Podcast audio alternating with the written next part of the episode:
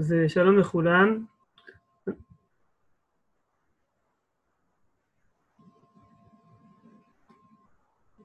רגע, הנה. טוב, אז שלום לכולם.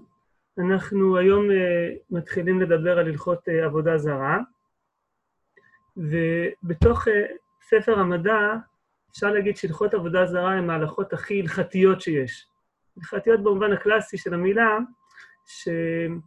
שההלכות האלו יש להן uh, הרבה מצוות, uh, כמעט כל המצוות הן מצוות לא תעשה, והמצוות בהלכות עבודה זרה כוללות, uh, יש סך הכל 51 מצוות, שזה בערך שתי שליש מכל המצוות של ספר המדע. ספר המדע יש בו 75 מצוות, 75 מצוות, ו... אז שני שליש מהם הם בהלכות עבודה זרה. זה, זה מראה משהו על ה... כמו שאמרתי, על העובדה שהן הלכות אה, אה, קלאסיות כאלו, כן? פחות אה, מהסגנון של ספר המדע. עוד ביטוי שאפשר להגיד לעניין הזה, זה ש... בספר, בספר המדע, ההלכות היחידות שיש להן מקבילה בש"ס, הן הליכות עבודה זרה. יש לנו מסכת עבודה זרה במשנה, כמובן גם בגמרא, ואין לנו דבר כזה, לא ליסודי התורה, לא לדעות ולא לשאר, אפילו לא להלכות תלמוד תורה, כן? אז יש לנו פה משהו שהוא בצד מסוים, הוא כאילו הלכות קלאסיות שהן לא, לא, לא קשורות לספר המדע, שהוא עוסק בעניינים שקשורים ליסודות של אמונה, יסודות שקשורים, ל, כמו שהרמב"ם כותב בהקדמה שלו, הוא כותב בהקדמה שלו לספר, למשנה תורה, אז כשהוא מתאר את ספר המדע, הוא אומר, יכלול בו כל המצוות שניכר דעת משה רבנו. צריך אדם לידע אותם תחילת הכל. כלומר, יש פה עניין של ידיעה, כן? יש פה עניין של ידיעה, אבל בכל אופן, למרות כל הדבר הזה, יש לנו, אז יש הרבה הרבה באמת פרטי הלכות, הרבה פרטי הלכות בתוך הלכות עבודה זרה, אבל לצד הדבר הזה הרמב"ם גם מתייחס להלכות האלו מתוך נקודת מבט רעיונית מחשבתית, ולכן הוא עושה דבר שהוא יחסית דבר אה, אה, מיוחד, שהוא נותן פרק, אה, פרק הקדמה להלכות עבודה זרה, פרק, פרק מבוא, שבעצם הפרק הזה לא עוסק אה, בכלל, בכלל ב, ב, בהלכות. אין בו שום אה, הלכה למעשה, כן? אז זה משהו שהוא, אה, שהוא, שהוא אה, אה, אה, הוא קיים בעוד מקומות אה, ברמב"ם, שהרמב"ם מקדים איזשה, איזשהו רקע, רקע שהוא לא הלכתי גרדה, למשל, בתור דוגמה ניתן בהקדמה, בהתחלה של הלכות אישות, אז הרמב"ם מדבר על זה של קודם מתן תורה, אדם היה לוקח אישה מן השוק וכולי, ויש לו בעוד מקומות, בתחילת הלכות שחיטה, הוא מדבר על, על, על איך נהג בהיתר בשר תאווה שהיה במדבר, אבל אה, פה הרמב"ם מקדים פרק שלם. עד כמה שאני זוכר, ככה בזיכרון אה, אה, ככה חטוף עכשיו שאני חושב על זה, אני לא זוכר עוד מקום שיש פרק שלם, שכל העניין של הפרק הזה הוא מבוא. אה, מבוא רעיוני לנושא שהוא מדבר עליו.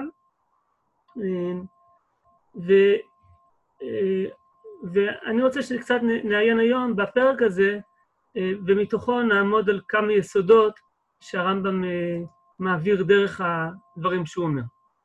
אז אני, אה, אז תכף, תכף אני אשתף את המסך.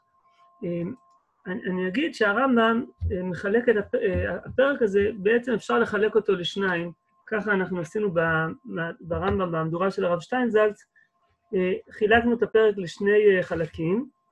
החלק הראשון הוא, הוא, הוא הלכה א' וב', ש... אה, שלה, שאנחנו נתנו כמובן, היא אה, אה, התפתחות עבודה זרה, והלכה ג' היא ההכרה של אברהם אבינו באחדות האל וייסוד עם ישראל. תכף אני אולי ארצה קצת אולי לנסח מחדש את החלק הזה.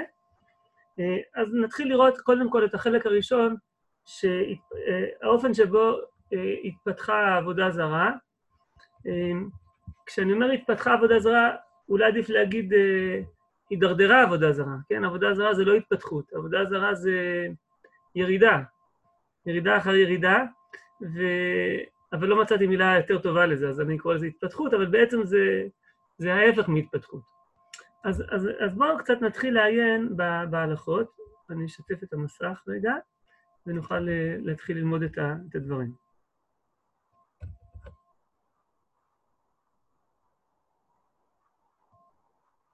Hmm?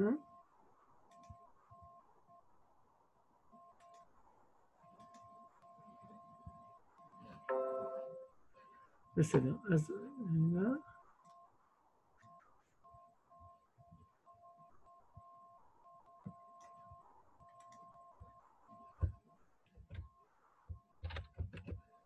בסדר, אני מקווה ש, ש, שרואים, כן, רואים בסדר? אני רגע נגביר את זה קצת.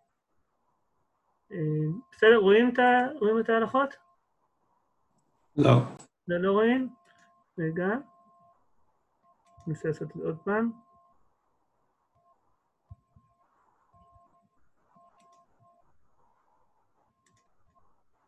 בסדר. עכשיו רואים? לא, רואים פסדק. רגע. ננסה לסדר את זה.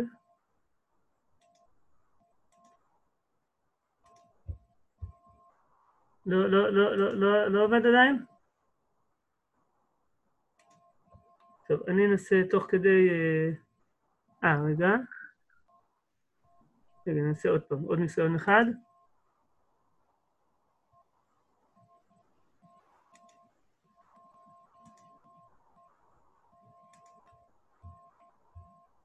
או, עכשיו עובד. יופי, תודה, תודה, יוני. אה, בסדר. אז, אה, אז אה, הרמב"ם מתחיל והוא מתאר את ה... איך, איך, איך, איך זה נוצר, כן? עבודה זרה בעצם, וזה דבר, הערה יפה, הערה קטנה, אבל יפה שהרב שטיינזלץ כותב בהקדמה שלו להלכות האלו, הוא כותב שבעצם עבודה זרה זה, כלומר, אנחנו אולי רגילים לתפוס שאברהם אבינו, הוא כאילו חידש את, ה, את אמונת הייחוד, את האמונה בהשם. אבל בעצם זה הפוך, כש, כשחושבים על זה, המצב הטבעי אמור להיות, הקדוש ברוך הוא ברא את העולם, ו, ובני אדם, אדם הראשון ואחריו אה, הכירו את השם, ואז באיזשהו, באיזשהו שלב זה הפסיק. והשאלה איך זה, איך קרה ש... איך זה קרה, הדבר הזה. אז זה דבר ראשון שהרמב"ם פה אה, בא לעשות, זה לבאר את הדבר הזה. אז, אז, אז ככה, ככה, כותב, אה, ככה כותב הרמב"ם. אה, בימי אנוש טעו בני אדם טעות גדול, ונברא עצת חכמי אותו הדור, ואנוש עצמו מן הטועים. וזו הייתה טעותם, אמרו, הואיל והאל ברא כוכבים אלו וגלגלים אלו להנהיג את העולם, ונתנם במרום, חלק להם כבוד, ואין שמשים המשמשים לפניו, ראויים הם לשבחם ולפארם ולחלוק להם כבוד. וזהו רצון האל ברוך הוא, לגדל ולכבד מי שגידלו וכיבדו. כמו שהמלך רוצה לכבד עבדיו והעומדים לפניו, וזהו כבודו של מלך. כלומר, השלב הראשון הוא בעצם שאנשים אומרים, הרי מדובר פה על השמשים של השם, הכוכבים, המזלות, הם בעצם הגלגלים, הם אלו שמשמשים את, ה, אה, אה, את השם, הם אלו שמנהיגים את העולם תחת תחת, אה, תחת הקדוש ברוך הוא, אז צריך לחלק להם כבוד כמו שהם מכבדים כבוד לשרים של מלך. כיוון שעלה הדבר הזה על ליבם, התחילו לבנות לכוכבים מיכלות ולהקריב להם קורבנות ולשבחם ולפארם בדברים ולהשתחוות למולם, כדי להשיג רצון המורה בדעתם הרעה. כלומר, זה, זה היה רצון הבורא לפי דעתם, הם חשבו שזה מה שהשם רוצה. וזה היה עיקר עבודה זרה. כלומר, זה היה בעצם הבסיס ל, ל, להתגלגלות שאנחנו נראה בהמשך. וכך היו, אה, והוא ממשיך ו, ואומר, וכך היו אומרים עובדי היודעים עיקרה, לא שהם אומרים שאין שם אלוה אלא כוכב זה, אלא הם אומרים שהוא, שהוא רוצה, שהקדוש ברוך הוא רוצה שיעבדו אותו. אה, בסדר, אני מדלג, זה, זה היה השלב הראשון. ואחר שערכו הימים, עמדו בבני אדם נביאי שקר, ואמרו שהאל ציווה להם ואמר להם, עבדו כוכב פלוני או כל הכוכבים, והקריבו לו ונסחו לו כך וכך, ובנו לו היכל ועשו צורתו כדי להשתחוות לו כל העם, הנשים והקטנים ושאר עם הארץ. הוא מודיע להם צורה שבדם ליבו ואומר, זוהי צורת הכוכב הפלוני שהודיעו בנבואתו. כלומר, השלב השני זה שהם אה, אמרו שזה ציווי, שהקדוש ברוך הוא ציווה את הדבר הזה. כלומר, בשלב הראשון זה היה כאילו הם מעצמם חשבו על הרעיון הזה, ואז באו נביאי שקר ואמרו שזה ציווי של השם. ומה ואז קרה? אה, והתחילו כוזבים אחרים לעמוד ולומר שהכוכב עצמו, או הגלגל עצמו, המלאך דיבר עמהם, ואמר להם, עבדו לי בכך וכך, והודיע להם דרך עבודתו, ועשו כך ואל תעשו כך. אמ, אז, אז כאן כבר יש דבר נוסף, שכל uh, השלב הבא זה שבאו אחרים ואמרו שזה כבר, הכוכב עצמו דיבר איתם, המלאך עצמו דיבר איתם ואמר להם לעבוד אותו. Um, בסדר? וכיוון שערכו הימים, רגע, נראה לי שיש פה איזה קטע שנשמט לי. רגע, אני מסתכל בנוסח בספר עצמו. כן, בסדר. וכיוון שערכו הימים, נשתכח השם הנכבד והנורא מפי כל היקום ומדעתם, ולא הכירו, ונמצא כל העם הארץ והאנשים והקטנים אינם יודעים על הצורה של, של עץ והאבן, וההיכל של בניין שנתחתנו, שנתחנכו מקטנותם להשתחוות לנו, לעובדם ולהישבע בשמן. כלומר, השלב הבא היה בעצם, השם, השם הנכבד נשכח מבני אדם, הם כבר רק הכירו את, את הצורות שהם עבדו להם. זה לגבי עם הארץ והאנשים והקטנים. והחכמים שהיו בהם, כגון הכומרים וכיוצא בהם, מדמים שאין שם אלוה אלא הכוכבים והגלגלים שנעשו הצורות האלו בגללם ולדמותן. כלומר, עמי הארץ הפשוטים, הם חשבו שהפסלים עצמם, הם ה... זה הדבר, זה הדבר שצריך להשתחוות, זה הדבר שצריך uh, לעבוד לו. החכמים, הם הבינו שהפסלים האלו, הם מייצגים את הכוכבים והמזלות uh, שלמעלה.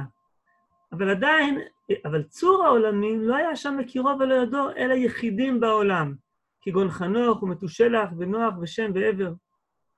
ועל דרך זו היה העולם מתגלגל והולך עד שנולד עמודו של עולם, שהוא אברהם אבינו עליו השלום.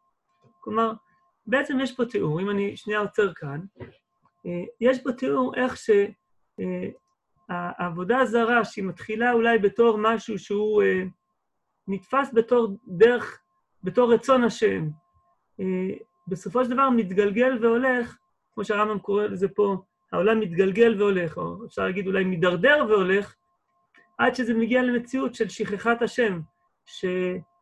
של שכחת השם, רק יחידים בעולם מכירים את השם, וכל השאר אה, לא מכירים אותו. בסדר, אז כל זה זה בעצם התיאור של ההידרדרות, ש... ועכשיו אנחנו מתחילים את החצי השני של הפרק, שהוא מתחיל את התיאור של הגילוי מחדש, נקרא לזה. ופה אני רוצה אה, שנשים לב לכמה דיוקים, ככה לאורך החלק הזה, נשים, נשים לב לכמה דיוקים. כיוון שנגמל איתן זה, התחיל לשוטט בדעתו והוא קטן, ולחשוב ביום ובלילה, והיה תמה, איך אפשר שיהיה הגלגל הזה נוהג תמיד, ולא יהיה לו מנהיג, ומי יסבב אותו? לפי שאי אפשר שיסבב את עצמו. ולא היה לו מלמד ולא מודיע דבר, אלא מושקע באור כסדים בין עובדי עבודה זרה הטיפשים. אז פה, אני, עכשיו אני אתחיל קצת להתעכב יותר על, על כל מיני לשונות שיש ברמב"ם. קודם כל, הביטוי הזה, שהוא אומר איתן זה, כן? הביטוי שהוא קורא לאברהם, אנחנו מכירים את הביטוי הזה, איתן, איתני, יש לנו את ירח האיתנים, שהגמרא בראש השנה אומרת שזה הירח שנולדו בו איתני עולם, שהם האבות. אמ, ויש מקום אחר בגמרא שמדברים על איתן האזרחי, שזה כינוי לאברהם אבינו. שם הכינוי מתייחד לאברהם אבינו.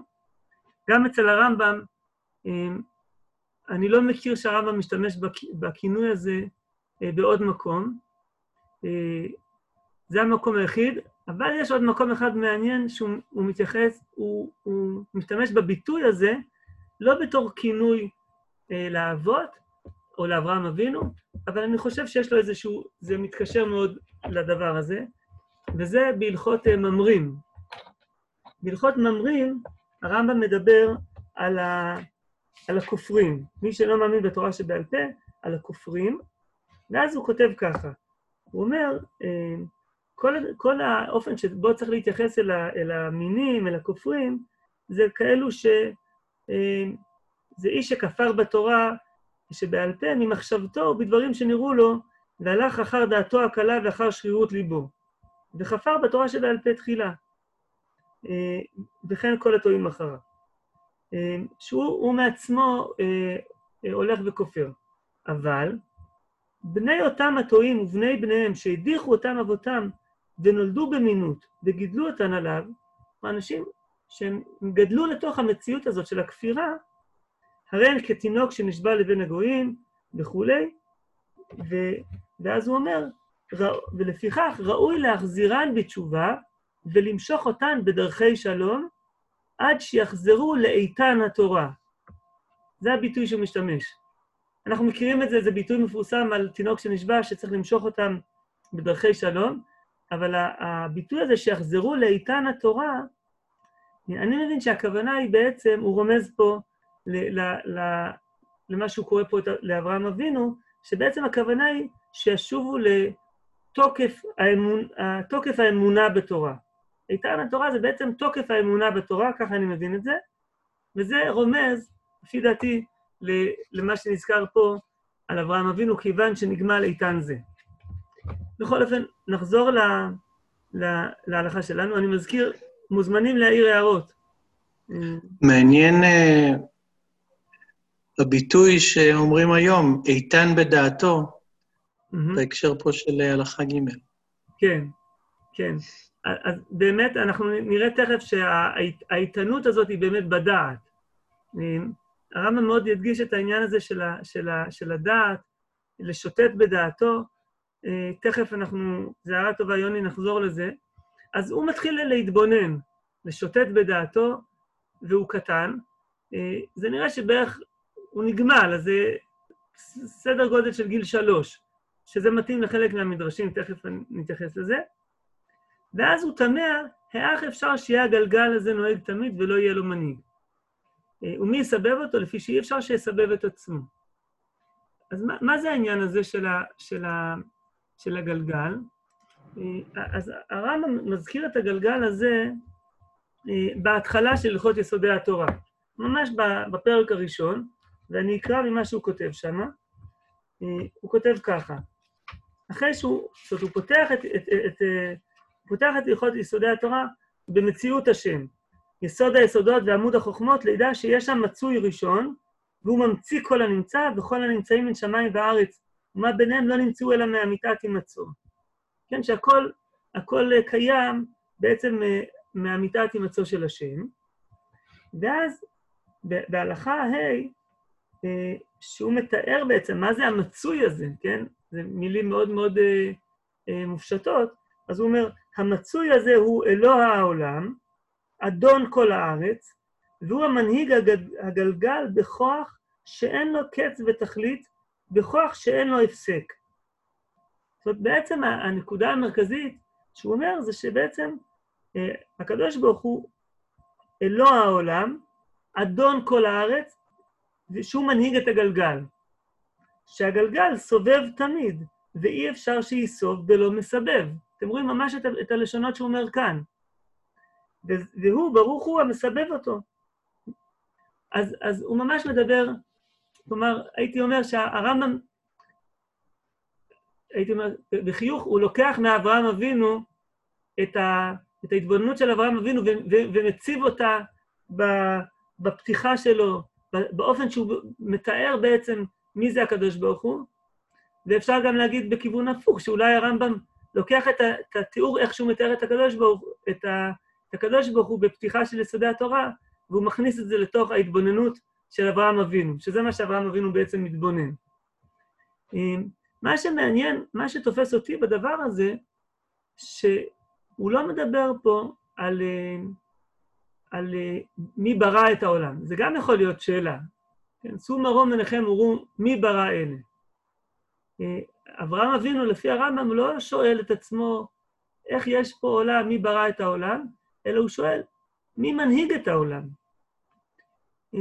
אני חושב אולי, ופה אני אגיד את הדברים בצורה מאוד מאוד אה, חלקית, מכיוון שאני לא בקיא בנושא הזה, אה, שזה קשור לשאלה של קדמות וחידוש העולם, שהרמב"ם מדבר בו באריכות במורה נבוכים, אה, פרקים, בחלק ב' של מורה נבוכים, פרקים י"ג עד ל"א, וכמו שאמרתי, לצערי אני לא בקיא בנושא הזה, אבל, אבל הרמב"ם שם רואים שהשאלה הזאת, מבחינת הרמב"ם, היא שאלה שהיא לא קריטית ככה זה נראה לשאלה של, של האמונה. והוא בכוונה, באיזשהו אופן זה נראה שהוא בכוונה רוצה, בסופו של דבר הוא כן מגיע למסקנה ולהכרעה שהעולם אה, הוא מחודש, שהבורא ברא את העולם, אבל זה נראה שהוא לא רוצה כאילו לתלות את כל האמונה שלו על הדבר הזה. שהוא אומר שבעצם גם אם לא נקבל את, ה, את ההנחה הזאת, את האמונה הזאת, עדיין זה, זה אפשר, אפשר להאמין. זה, זה, זה, זה, זה עניין מורכב שדורש עיון הרבה יותר אה, רחב שם, וגם אה, בסופו של דבר הרמב"ם, ב-13 עיקרים שהוא מביא בהקדמה שלו לפרק חלק, אז הוא כן קובע את האמונה בחידוש העולם אה, כאחד מהעיקרים. אותו דבר גם כן בהלכות תשובה, אה, פרק ג' הלכה ז', אבל עדיין אני חושב שעם כל הדבר הזה, הנהגת העולם היא עניין יותר יסודי. מאשר חידוש העולם. אה, או סליחה, מאשר בריאת העולם נקרא לזה, כן? ורק כדי להמחיש את זה, אז בהלכות תשובה שהזכרתי, שהרמב"ם מתאר שם את, ה, את המינים, כן? אז הוא אומר ככה, חמישה הם הנקראים מינים, מינים הם בעצם הכופרים, האומר שאין שם אלוה ואין לעולם מנהיג, זה הראשון. אז הראשון הוא בעצם שהוא אומר, אין שם אלוה ואין לעולם מנהיג. ואחרי זה הוא ממשיך, ואומר שיש שם מנהיג אבל עם שניים או יותר, זה אמונת הייחוד. אחרי זה, ואומר שיש שם ריבון אחד אלא שהוא גוף ובעל תמונה, זה הגשמה. וה, והסוג החמישי של המין זה האומר שאינו לבדו ראשון וצור לכל, כן? שהוא לא, לא הראשון, הוא לא צור לכל, הוא לא... אלא בעצם זה כנגד התפיסה שהעולם הוא קדמון. והחמישי, דרך אגב, זה העובד אלוה זולתו כדי להיות מליץ בינו ובין ריבון העולמים. זה בעצם ההתחלה של, ה, של מה שראינו פה, של הטעות של, ה, אה, של ה, אה, אה, עובדי עבודה זרה, איך שזה התחיל.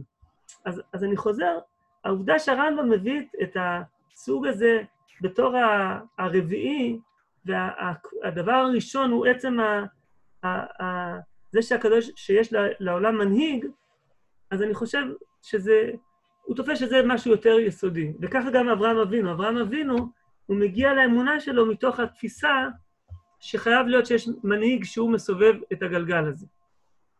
אני, אני אגיד, אנחנו נראה שהרבה מהדברים, יש להם מקורות, לפחות לחלק מהדברים האלו שהרמב"ם אומר, יש, אפשר למצוא את המקור שלהם בתוך חז"ל. אבל עדיין הרמב"ם, השאלה, אילו מקורות מתוך חז"ל הוא בוחר, אילו מדרשים הוא בוחר להביא ואילו לא, תכף נראה עוד קצת. ו- ודבר נוסף, איך הוא בוחר להציג את אותם המדרשים. אה, ואני חושב שהתשובה שה, לשתי השאלות האלו, אה, אה, כשבוחנים את זה, רואים שהרמב"ם מוביל פה איזשהו קו מסוים בהלכות האלו. אז בואו נמשיך ונראה. ואביו ואימו, אני מדלג, החלוקה פה לפסקאות היא לפי כתבי היד, זה בעצם החלוקה, מבוסס על החלוקה של הרמב"ם. חלוקה להלכות המספור של ההלכות היא לא, היא לפי הדפוס, היא לא, אין לה משמעות.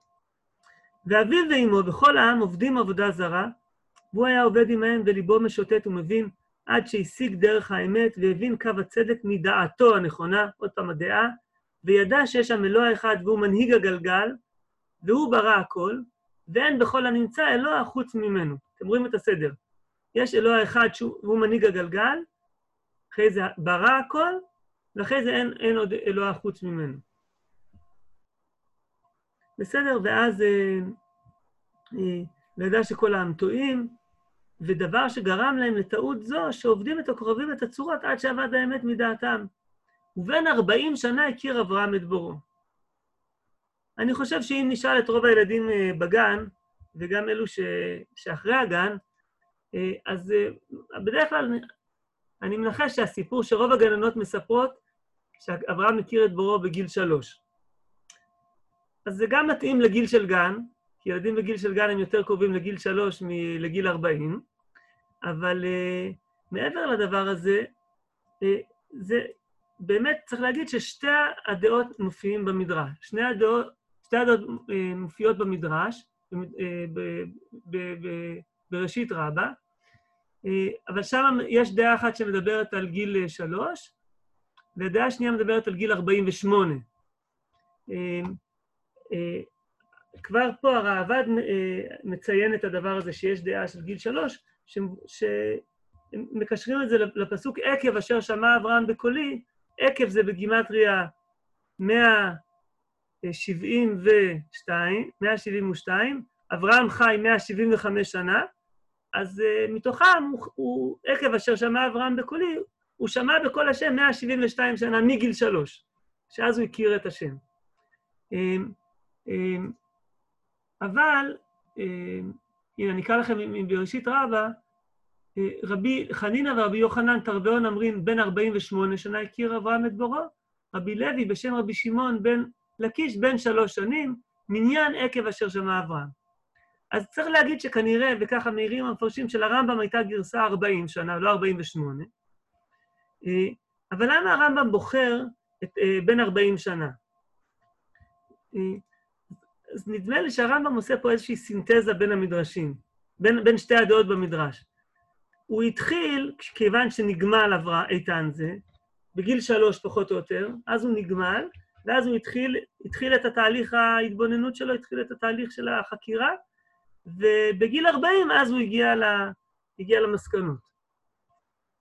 אמ, ואני חושב שזה קשור לתפיסה הזאת שהרמב"ם תופס שהדרך שאברהם הגיע לאמונה בהשם זה על ידי אה, אה, דעתו, כן? כמו שאמרת, יוני, איתן בדעתו, אה, באמצעות הדעת. אה, להגיע באמצעות דעת זה, זה תהליך שהוא לוקח אה, שנים, שנים של התבוננות, במיוחד אם אין מישהו שמלמד אותך. ומכיוון שהרמב"ם... בין 40 לבינה. בין 40, נכון, נכון, תודה. בין 40 לבינה, ו... ואני עכשיו רוצה לשים לב לדבר נוסף. אנחנו, הרי אנחנו מכירים את המדרשים המפורסמים על, אה, על אברהם אבינו. זה מדרשים שיסודות האמונה, ש, שכבר בגן מספרים אותם. ו... אה, וואי, אני רואה שהיום, יודע שאני בזום אחר, אז יש לי עוד עשר דקות, אני מקווה שלא... שנספיק. אם לא, אז אני אחדש עוד פעם קישור. בכל אופן, אז uh, אני קורא את המדרש המפורסם מאוד שאנחנו uh, כולנו מכירים, שאמר רבי יצחק, משל אחד שעובר ממקום למקום וראה בירה אחת דולקת. אמר, תאמר שהבירה זו בלא מנהיג, הציץ עליו בעל הבירה, אמר לו, אני הוא בעל הבירה. כך, לפי שהיה אברהם אבינו אומר, תאמר שהעולם הזה בלא מנהיג, הציץ עליו הקדוש ברוך הוא ואמר לו, אני הוא בעל העולם. אז זה מדרש מפורסם מאוד, ו, אה, ויש כמובן מה להעריך בו, מה זה בירה דולקת, יש כמה פירושים. אבל אני עכשיו אה, לא רוצה להיכנס לדבר הזה, אלא לעובדה שלפי המדרש, בעצם אברהם אבינו הוא נבוך. הוא, יש לו איזה קושייה, הוא רואה בירה דולקת, הוא לא מבין, אה, משהו לא מסתדר לו, מאיך יכול להיות שהעולם בלא מנהיג, או האם ייתכן, או משהו כזה. אבל הדרך שהוא מגיע להבנה, הציץ עליו הקדוש ברוך הוא. כלומר, התגלות. אצל, אצל, במדרש הזה, הדרך שאברהם מכיר את בורא זה על ידי התגלות. אצל הרמב"ם אין פה התגלות. התגלות יכולה, דרך אגב, לקרות גם בגיל שלוש. אמ, אני לא, לא מכיר, אני לא יודע באיזה גיל הנביאים התנבאו. אה, לא כתוב לנו, אני חושב. אה, אני לא זוכר עכשיו שום נביא שכתוב, אבל בוא נגיד שאצל אה, שמואל כתוב שהוא, זה נראה שהוא היה בחור צעיר. אה, לא, אה, אני אפתח רגע את הלשון בשמואל.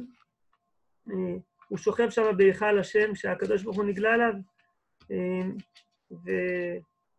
והנער שמואל כתוב, משרת את השם.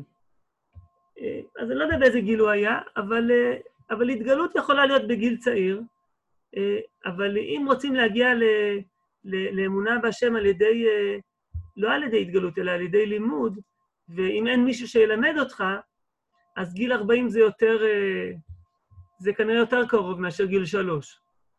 ואני חושב ש, שהרמב"ם בכוונה הולך במסלול שונה מה, מה, מהדרך של המדרש שאני קראתי. בואו נמשיך ונראה עוד דבר ש, שאני חושב משקף את הדבר הזה. אה, כיוון שהכיר וידע, אה, התחיל להשיב תשובות על בני אור כסדים ולערוך דין עמהם, ולומר שאין זו הדרך האמת שאתם הולכים בה, ושיבר את הצלמים, זה אנחנו כמובן גם כן מכירים מהמדרשים, אה, והתחיל להודיע לעם שאין ראוי לעבוד אלא לאלוה העולם, ולא ראוי להשתחוות ולהקריב ולנסך, כדי שיכירו כל הברואים הבאים. וראוי לאבד ולשבר כל הצורות כדי שלא יטעו בהן כל העם, כמו אלו שהם מדמים שאין שם אלוה אלא אלו. כיוון שגבר עליהם בראיותיו, עוד פעם, יש לו פה ויכוח שכלתני עם אותם האנשים, ביקש המלך להורגו, ונעשה לו נס, ויצא לחרן, והתחיל לעמוד ולקרות בקול גדול וכו'. אז גם פה, אני חושב, אז הרמב"ם ככה מבליע את זה שנעשה לו נס. אנחנו יודעים, יש אה, מדרשים שלמים שמתארים, אה, אני השם אשר הוצאתיך מאור כסדים, אה, ו... והנס של איך שאברהם ניצל מכבשן האש. אצל הרמב"ם הדבר הזה, הוא מזכיר אותו, אבל, אבל הוא לא עושה ממנו עניין בכלל. הוא, הוא אומר, נעשה לו נס. ואני חושב שגם הדבר הזה אולי הוא קשור ל, ל, ל, לתנועה הזאת. נס זה כבר, אה, אה, יש בזה בחינה של התגלות. כשאברהם, כשהקדוש ברוך הוא מציל את אברהם מתוך כבשן האש, אז הוא מתגלה אליו, מתגלה אליו, אומר לו, הנה, אני, הנה, אני השם. ואין לנו פה גם את ה...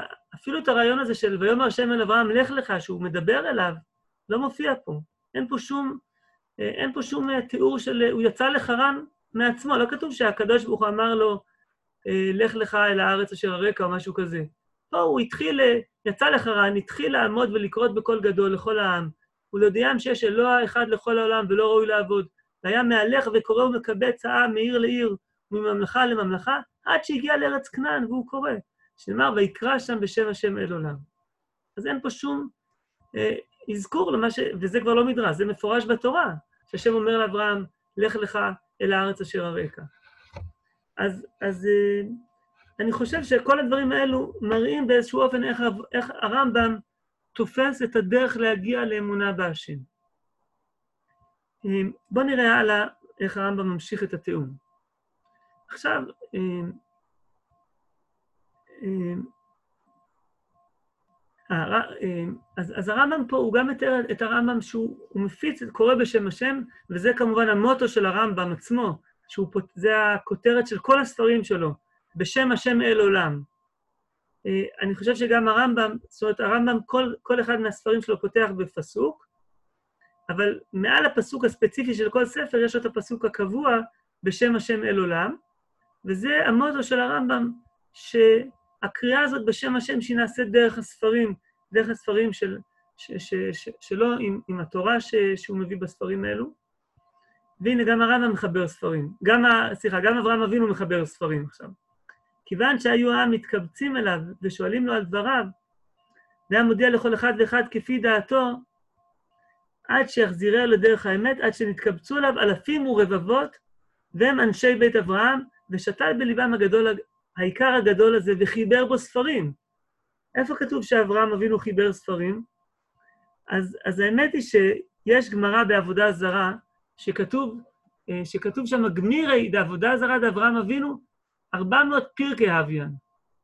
ואנן חמישה אתנן, ולא הדין מייקה אמרינן. זאת אומרת, מסכת עבודה, עבודה זרה של אברהם אבינו היו בה חמש, 400 אה, פרקים, לנו יש חמישה פרקים במסכת עבודה זרה, וגם זה אנחנו בקושי מבינים.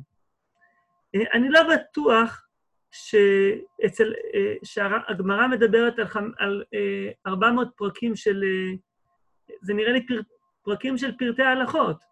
ככה אני מבין קצת מהגמרא. לא, לא, לא בטוח, אבל מתוך ההקשר הזה נשמע לי כאילו אברהם אבינו אולי בדורו היו שטופים בעבודה זרה, היה הרבה עבודה זרה בעולם, והוא צריך להתמודד עם כל העבודה הזרה הזאת. אצל הרמב"ם, על כל פנים, הספרים שהוא כותב הם ספרי אה, אמונה, ככה זה נראה. חיבר בו ספרים שהם נועדו בעצם ללמד את העיקר הגדול הזה.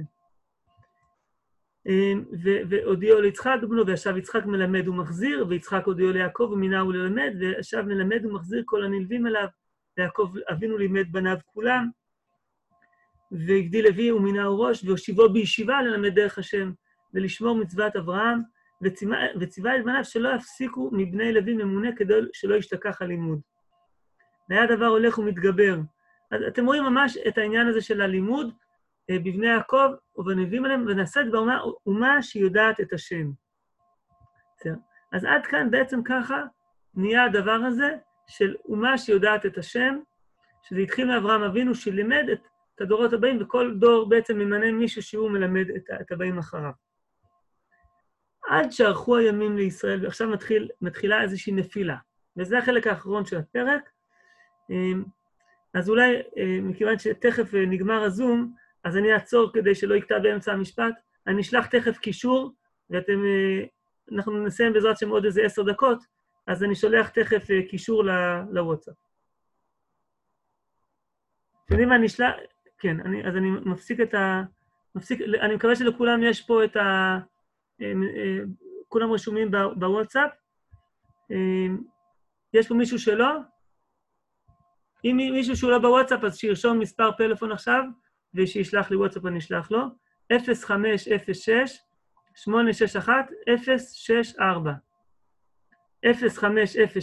861